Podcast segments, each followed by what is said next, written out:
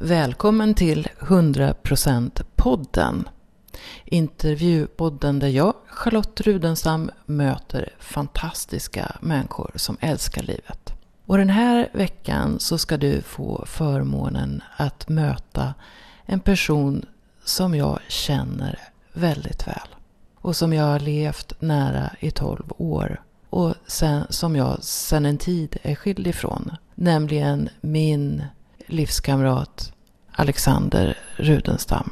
Du möter honom i en intervju som vi gjorde på slottet i slutet av maj. Och eh, när man kan tro att intervjun är slut så fortsätter den lite till. För Alexander hade något mer att säga om ett av sina hjärteprojekt.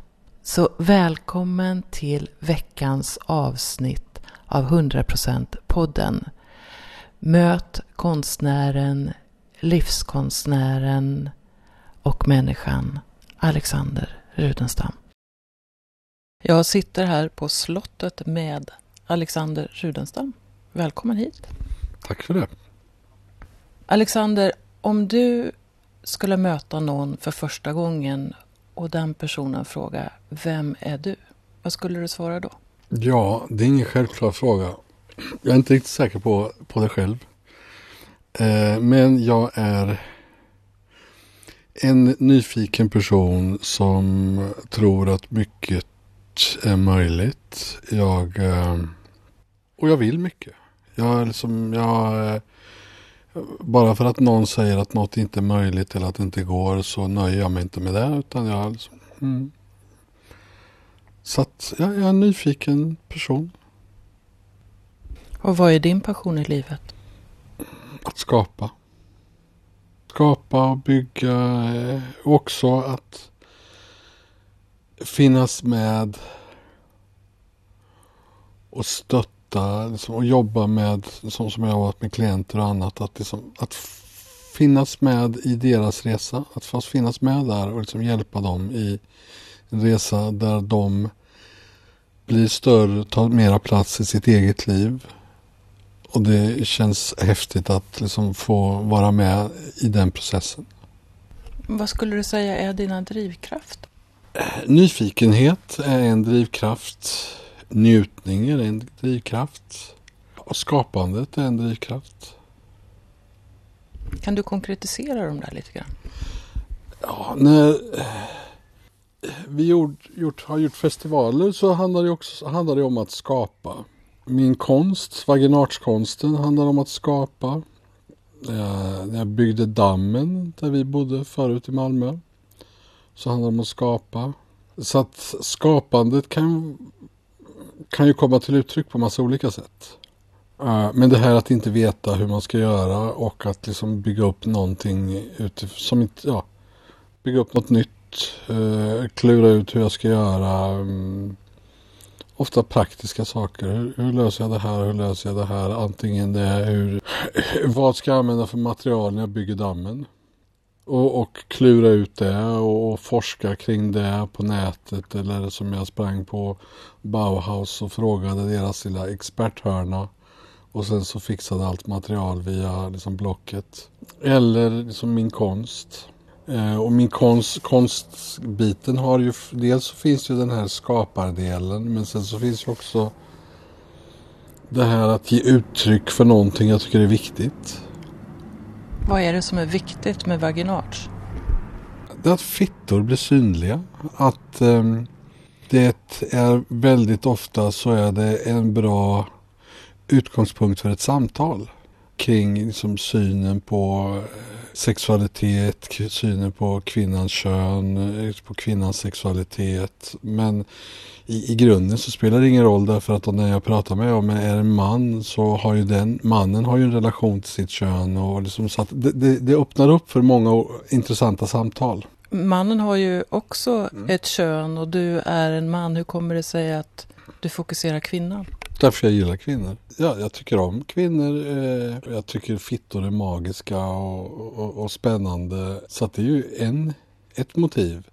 Men det, det, andra motiv, eller andra motiv är ju det här också att jag ser hur orättvist hur orättvis tillvaron har blivit i förhållande till kvinnor och det kommer då till uttryck i de olika kulturer på olika sätt men där då kvinnor i allmänhet och kvinnors sexualitet och kvinnans kön i synnerhet då är någonting som inte får finnas. Någonting som skambeläggs, någonting som är syndigt, någonting som är smutsigt, fult, orent eller hur nu till exempel religionerna uttrycker, beskriver det. Vad vill du då visa? Att det inte alls är så. Som någonting som är en jäkla kick det är när en kvinna har sett vaginarts och känner sig stolt över att vara kvinna och att ha en fitta. Och när hon förmed- jag får en sån feedback. Det känns som häftigt att, att, då, att få vara med och bidra till det. Varför benämner du kvinnans kön som fitta? Därför att jag tycker det är det bästa ordet. Det, många tycker ju att det är ett nedsättande ord. Ja, men det, det beror på vad man själv lägger i det. För mig så är fitta ett, eh, ett ord som beskriver någonting vackert, någonting positivt. Eh, Så att om någon skulle kalla mig för en fitta så skulle det vara, ja, vad bra. Och, men, men jag använder det för att också bidra till att ta tillbaks det ordet. Att man inte har en nedsättande värdering i det ordet oavsett om det, om det skulle heta fitta eller något annat. Och genom då att använda det på ett positivt sätt så hoppas jag kunna bidra till att liksom fler kan, kan börja använda det och inte lägger i de här automatiska värderingarna. Och, och det är ett uttryck, det här med värderingarna, det är ett uttryck för den här orättvisan som jag pratade om. Vad är meningen med livet? Att göra så bra som möjligt av det som är jag. Kan du konkretisera det lite? Nej, men att, att använda mig så bra som möjligt. Och att du använder dig så bra som möjligt och att alla andra människor använder sig själva så bra som möjligt. Ja, om man tar eh, någon som är väldigt duktig inom en idrott så är det väl tur då att den personen har fått möjligheten att träna och att eh, göra någonting som han eller hon är bra på. Men om den personen hade kanske suttit eh, liksom i en fabrik, suttit vid en maskin.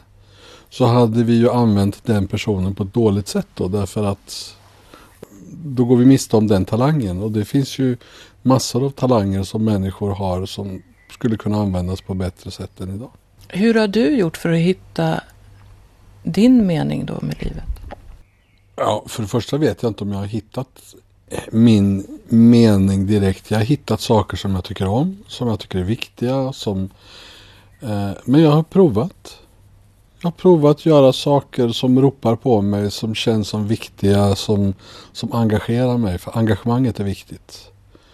Och eh, då om det har handlat om att göra en festival eller det har handlat om att göra en utställning eller ja, dra igång saker eller ja. Men jag provar. Du använder uttrycket när någonting ropar på mig. Hur, hur vet du att det, Det sker? känns, det känns.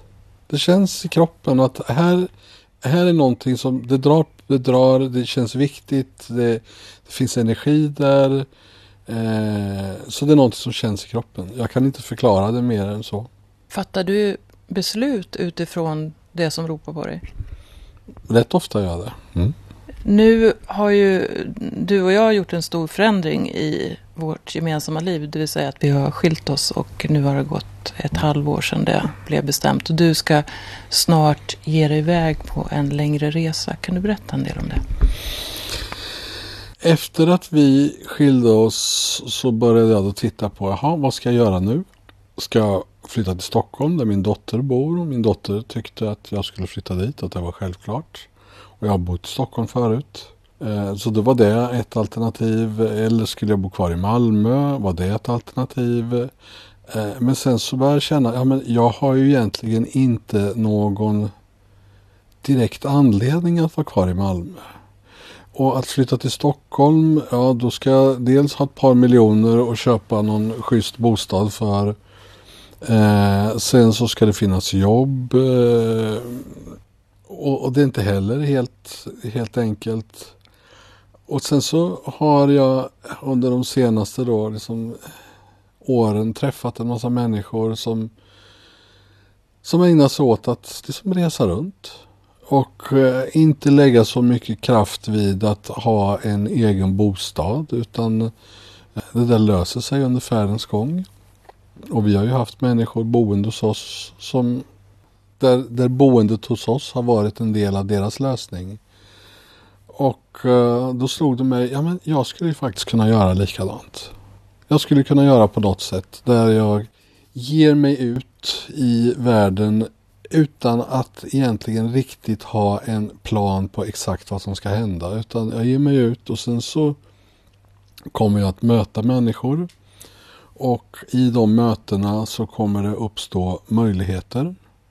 Och eh, nu till skillnad från tidigare så kan jag då, liksom, om det känns som att nej, men det här verkar vara en spännande, liksom, ett spännande alternativ. Då kan jag utforska det. Förr så hade jag, nej men jag måste ta ett flyg tillbaks till Sverige som jag har bokat och betalt för som går om eh, fem dagar.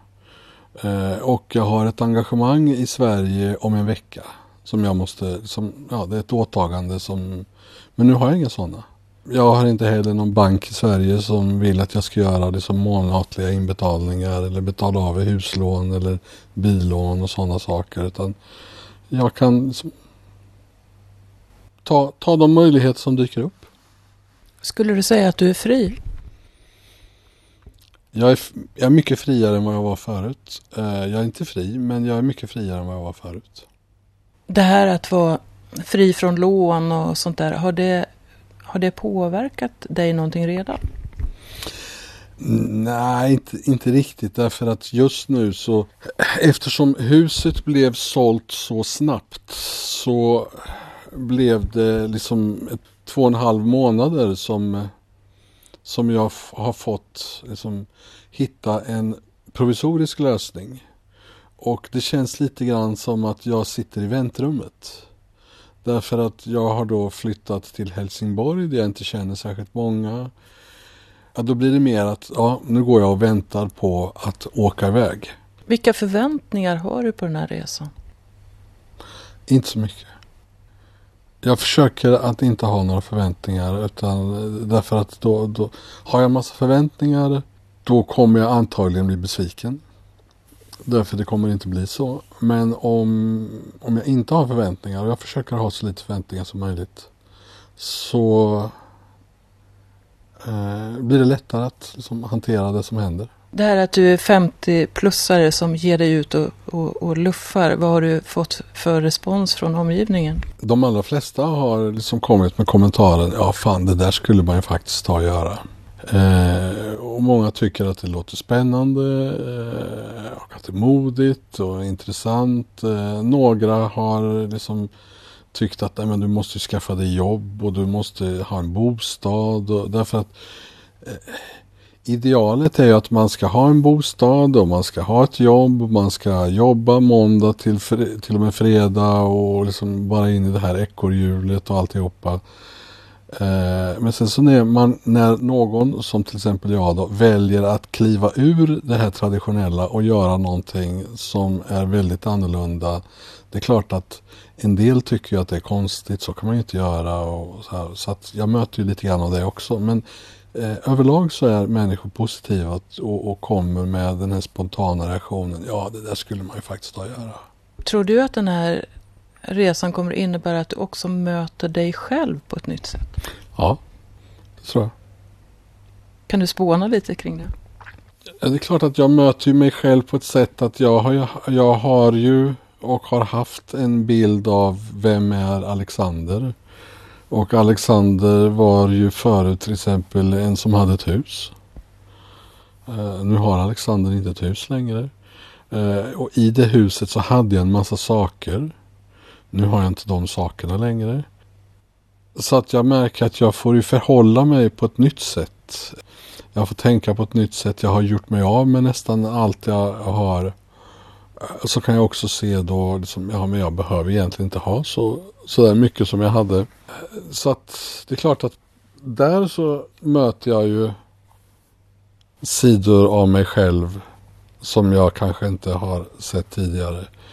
Eh, och det är klart att jag kommer ju säkerligen när jag eh, är någon annanstans i världen känna det här att ja, men, det är ju faktiskt bara jag. Vad är kärlek för dig? Samhörighet. Att växa. Det är att hitta, det, det är att, som att tillsammans eh, att göra någonting tillsammans, att göra, eh, eh, att vara no, om man nu är två eller hur många man nu är i den här kärleken, att, att bestämma att men, vi, vi, vi har någonting tillsammans. Och sen vad detta någonting är kan ju vara olika, men det är att vi har någonting tillsammans och eh, att detta någonting är värt väldigt mycket och jag är beredd att göra väldigt mycket för att upprätthålla detta någonting. Nyfikenhet tillsammans. Eh, kärlek är ju också en... Eh, att vara sårbara tillsammans. Det finns också den här sårbarheten. Att kunna vara sårbara tillsammans. Att kunna våga visa sig naken både bildligt och bokstavligt.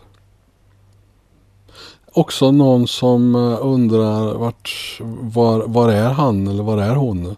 När eh, han eller hon inte eh, har kommit hem trots att han eller hon sa att de skulle komma hem klockan det och det. Så också någon som, någon som bryr sig. Känner du att, att du ska ge något till världen? Ja. Ja. Och vad är ditt bidrag? Det är mig själv.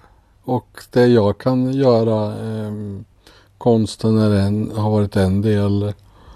Eh, även om jag inte har varit särskilt liksom, engagerad i att försöka sälja och sånt där. Men eh, festivaler har gjort eh, att försöka förändra världen så att den blir lite mjukare, lite bättre, lite mer kärleksfylld, lite mera nyfiken och lite mindre rädsla. Finns det någon andlig dimension i ditt liv? Ja, det gör det.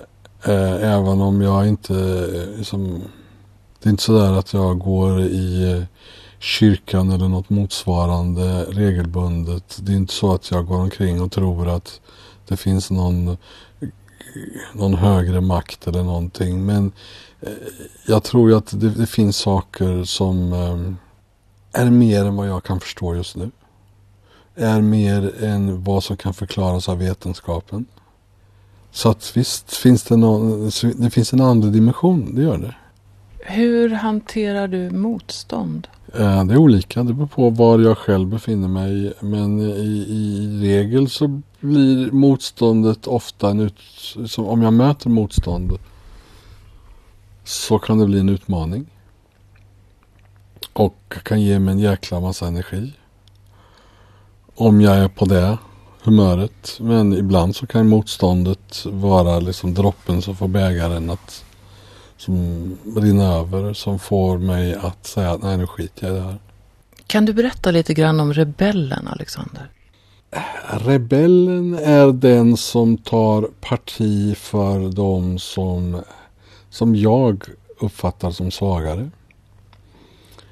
Eh, när jag växte upp och var tonåring eh, så var jag ordförande i elevrådet under dels sista året på högstadiet och under hela gymnasietiden. Och det kändes viktigt för mig när, när eh, jag tyckte att någon blev orättvist behandlad. Och även då om jag inte hade med situationen att göra så kunde jag ändå kliva in och liksom blanda mig i och ta då i regel då parti för i det här fallet då var det någon skolkamrat eller något sånt där och i, gentemot någon lärare. Eh, jag har också varit som en stark rebell i mig. Jag har varit den här som ska vara som tvärt emot vad min mamma säger. Så att om min mamma säger gå åt höger så gick jag åt vänster. Eh, och jag har ju liksom efteråt kunnat förstå att jag inte gjorde det jag själv ville. Utan jag förhöll mig till, eh, jag skulle göra tvärt emot vad min mamma sa. Eh, så att eh, även om jag själv skulle ha velat gått åt det hållet som min mamma pekar på så skulle jag aldrig gjort det. Därför att jag var tvungen att liksom visa att jag är självständig och skulle jag gjort då som min mamma sa så var det ett uttryck för att inte vara det. Så att då var den här rebellen gå åt andra hållet. Så att många gånger så har det eh, varit väldigt bra att ha den här rebellen. För det kan ju också vara att, att göra det omöjliga eller att göra det man inte brukar göra. Då har jag nytta av rebellen. Men också i det här som jag beskrev då att liksom när jag fattar beslut om att göra saker där jag inte själv känner efter vad jag vill utan bara förhåller mig till någon annan. Till exempel min mamma eller det kunde varit någon lärare eller någon annan auktoritär liksom, figur i min historia. Hur mår rebellen idag? Rebellen är ju betydligt mera laid back idag. Eh, inte alls lika stark. Men den finns där. Och det är en, eh, en, en, en, en del av mig som jag har nytta av ibland. Eh, men nu så måste den inte upp och kriga varje gång som någon säger någonting som jag känner att jag inte håller med om. Utan många gånger idag så kan jag bara låta det vara och släppa det och inte bry mig. I ditt eh, klientarbete så, så jobbar du rätt ofta med barndom och barndomstrauman. Hur kommer det sig? Jo, jag tror att väldigt mycket av det vi är som vuxna grundläggs när vi växer upp, när vi är barn. Så att mycket av det som någon, till exempel jag, kan ha problem med när vi är vuxna grundläggs i barndomen. Och eh, då för att kunna förändra det så behöver jag kanske gå tillbaks till barndomen i ett, som ett inre arbete för att försöka förstå, jaha, det är därför. Det är därför jag reagerar på det här sättet nu som vuxen. Och då kan jag börja liksom träna bort det. Träna? Ja. För vi tränar ju, vi lär oss saker. När vi föds så kan vi inte särskilt mycket mer än att skrika och bajsa och sova. Men sen så lär vi oss saker.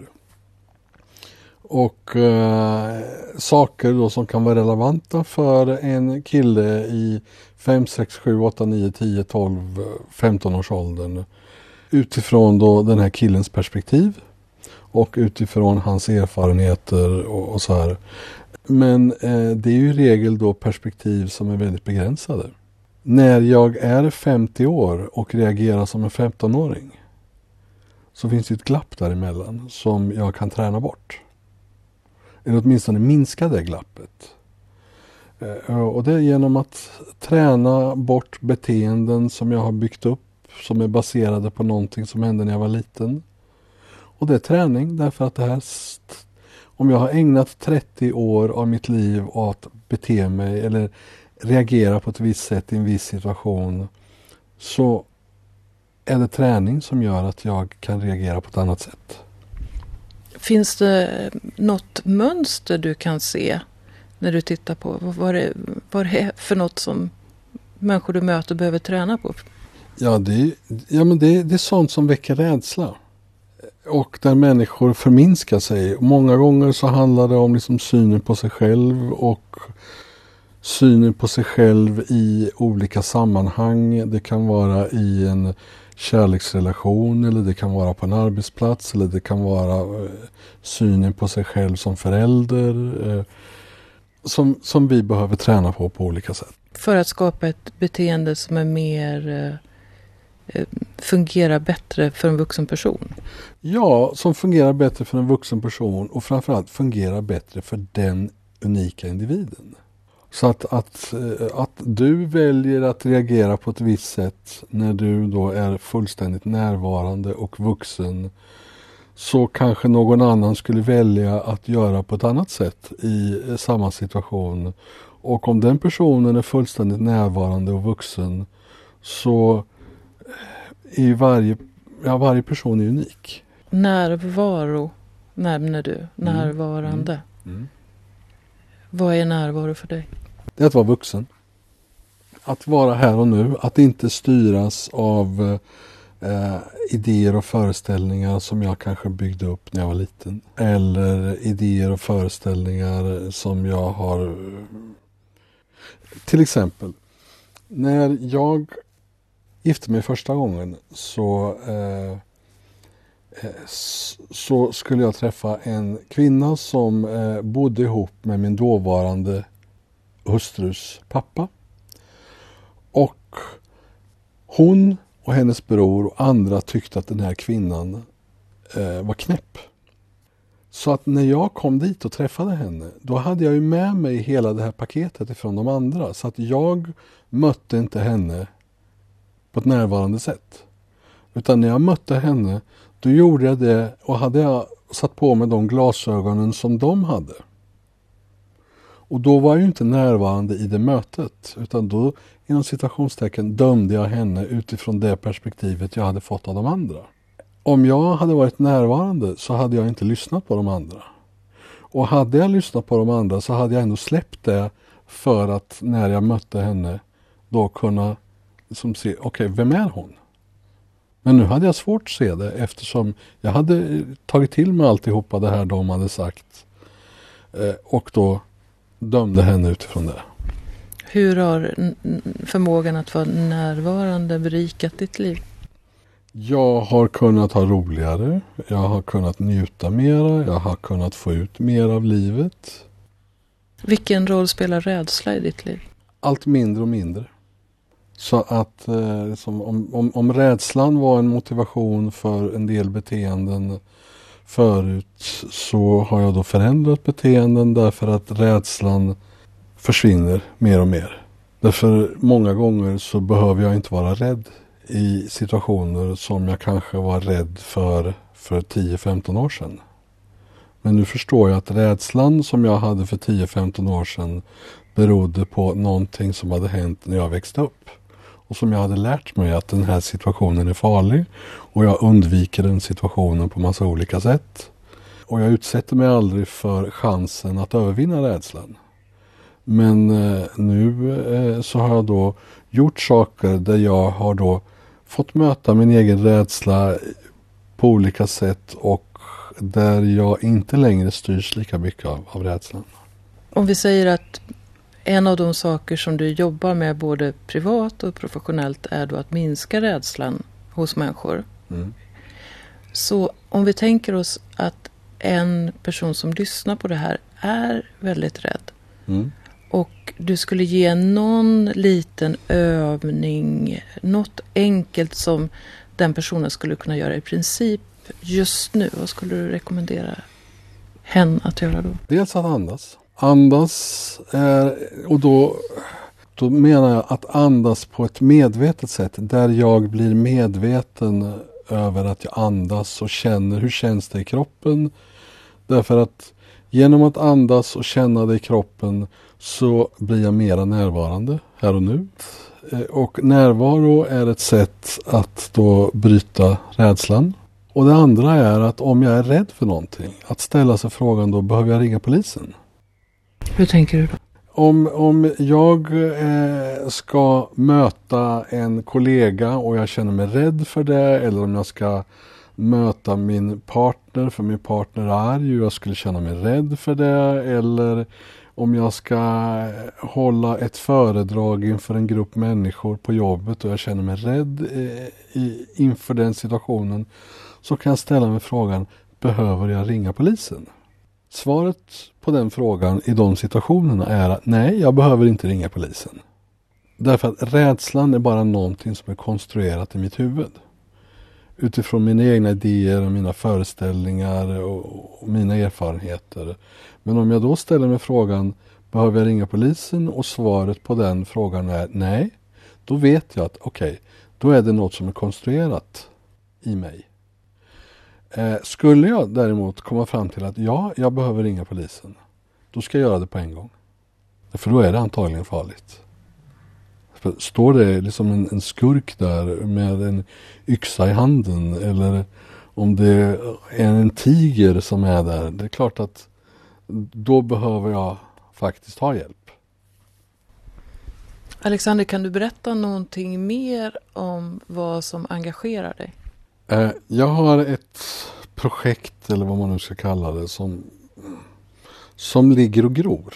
Som jag kallar för den dolda potentialen.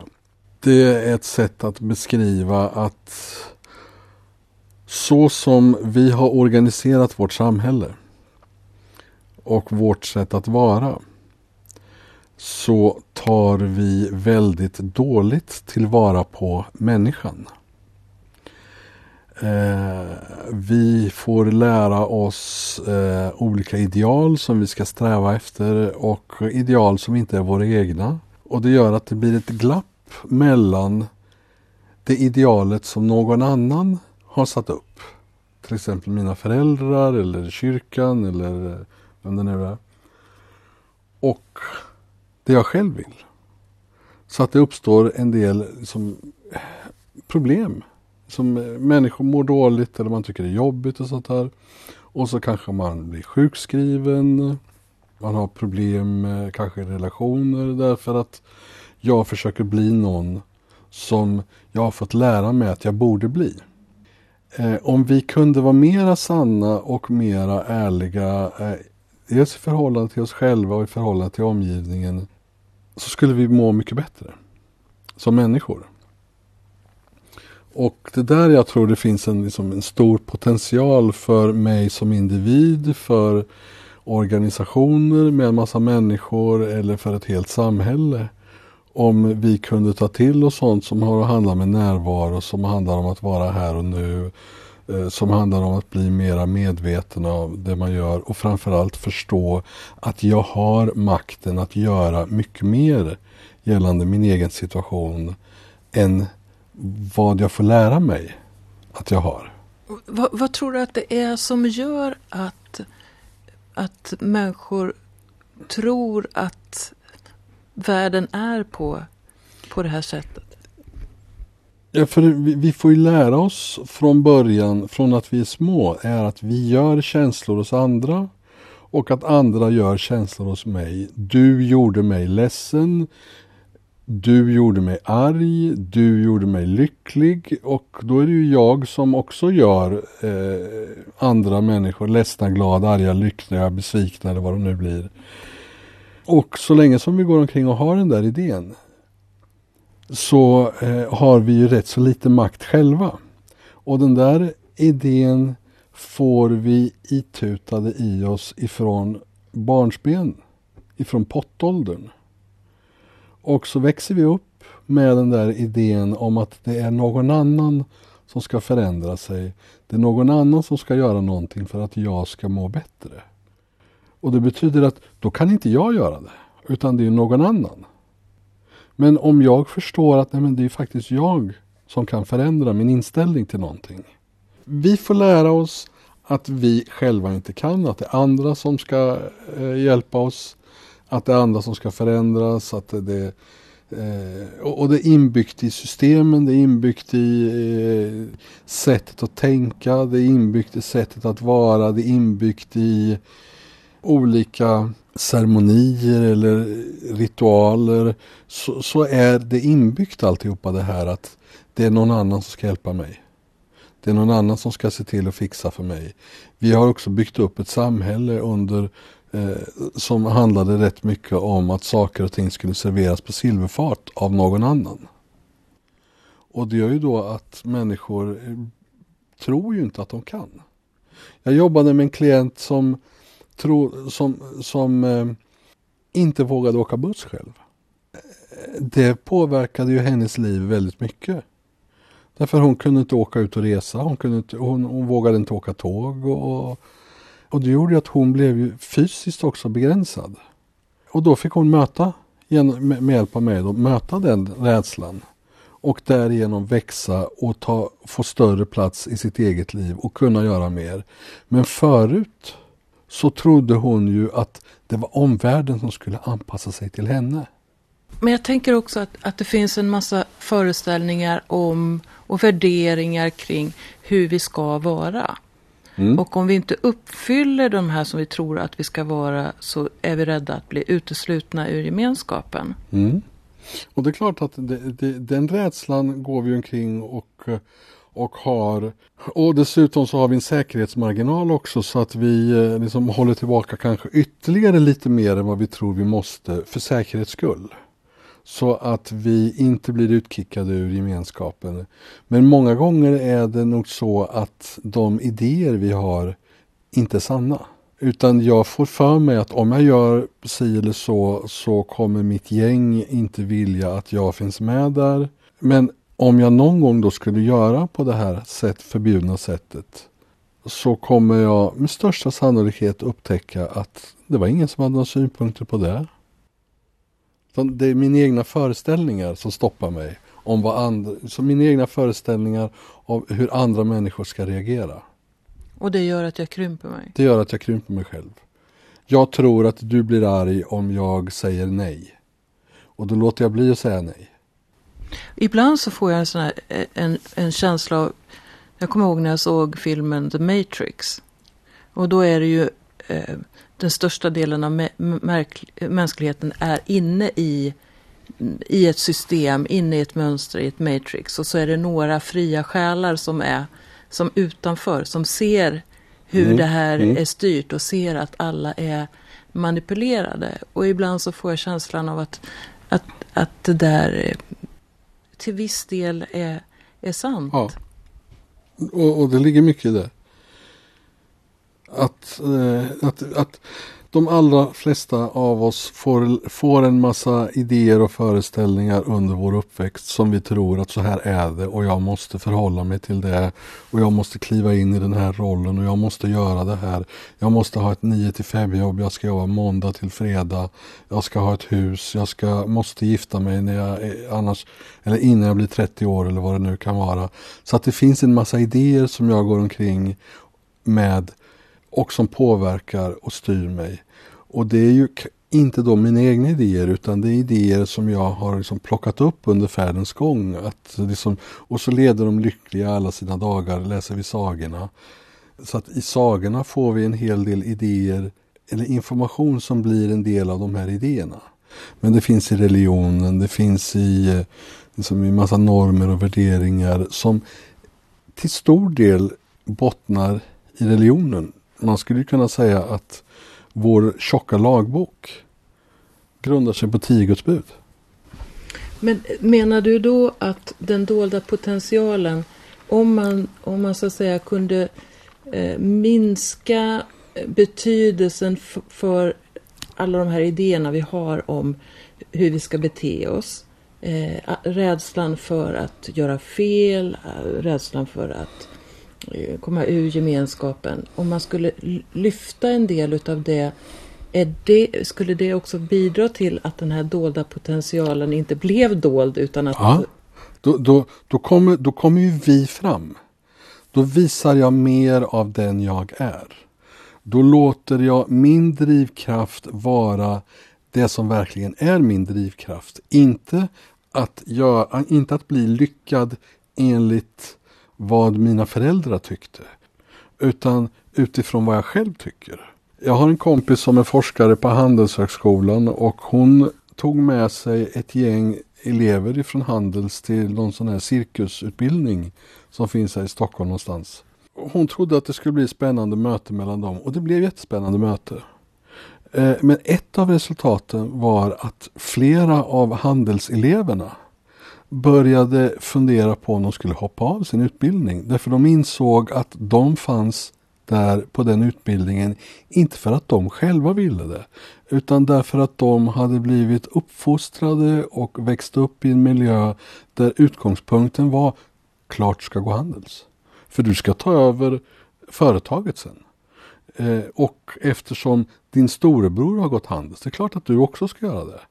Och det är väldigt många då som inte ifrågasätter det utan man gör det och man tycker det är jobbigt och man känner att det här är egentligen inte där jag skulle vilja vara.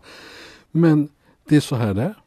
Och då att, så att göra som hon gjorde då, att ta ut de, eh, de här handelseleverna och möta jämnåriga som verkligen gjorde någonting utifrån ett brinnande intresse, utifrån en passion, så fick ju handelseleverna möta den inställningen till livet och den inställningen till sin framtid och till sig själv. Och det väckte en massa då frågor hos de här handelseleverna. Om vi eh, återknyter till dig då, Alexander, så nu när du ska ge ut på din resa så bryter ju du mot en del av de normer och värderingar om hur en karl 50-årsåldern ska bete sig. Hur hanterar du andras åsikter om dina val? Jag bara konstaterar att ja, okej. Okay. De tycker si eller så. Och jag bryr mig inte så mycket. Jag, jag, låter det vara. Jag kan förklara för en del men jag lägger inte ner så mycket liksom, tid och engagemang på att förklara utan så att det här känns rätt för mig just nu. Är det ett uttryck för en väg mot frihet? Det är ett uttryck för det. Det finns många olika uttryck men det är ett uttryck. Vad andra tycker om mig har jag inte med att göra. Mm. Tack för att du ville komma och besöka slottet, Alexander. Tack själv. När du lyssnar på det här så befinner sig Alexander Rudenstam, min exman, i Grekland på ön Lesbos och har det förmodligen varmt och skönt. Han är på vift. Han har gett sig ut för att söka äventyret. Han vågar. Något som få människor i 50-årsåldern gör. Släppa taget om allt och ge sig ut på äventyr. 100% podden är ju till för att du ska inspireras av andra människor och kanske reflektera över ditt eget liv och dina val. Och jag är jätteglad om du är med och sprider podden vidare till andra. Om du går in på iTunes och ger podden betyg eller gör en liten recension av podden. Du får gärna också dela podden och använda hashtaggen 100% podden med bokstäver. För att du lyssnar. Vi hörs nästa vecka. Hälsar Charlotte Rudenstam.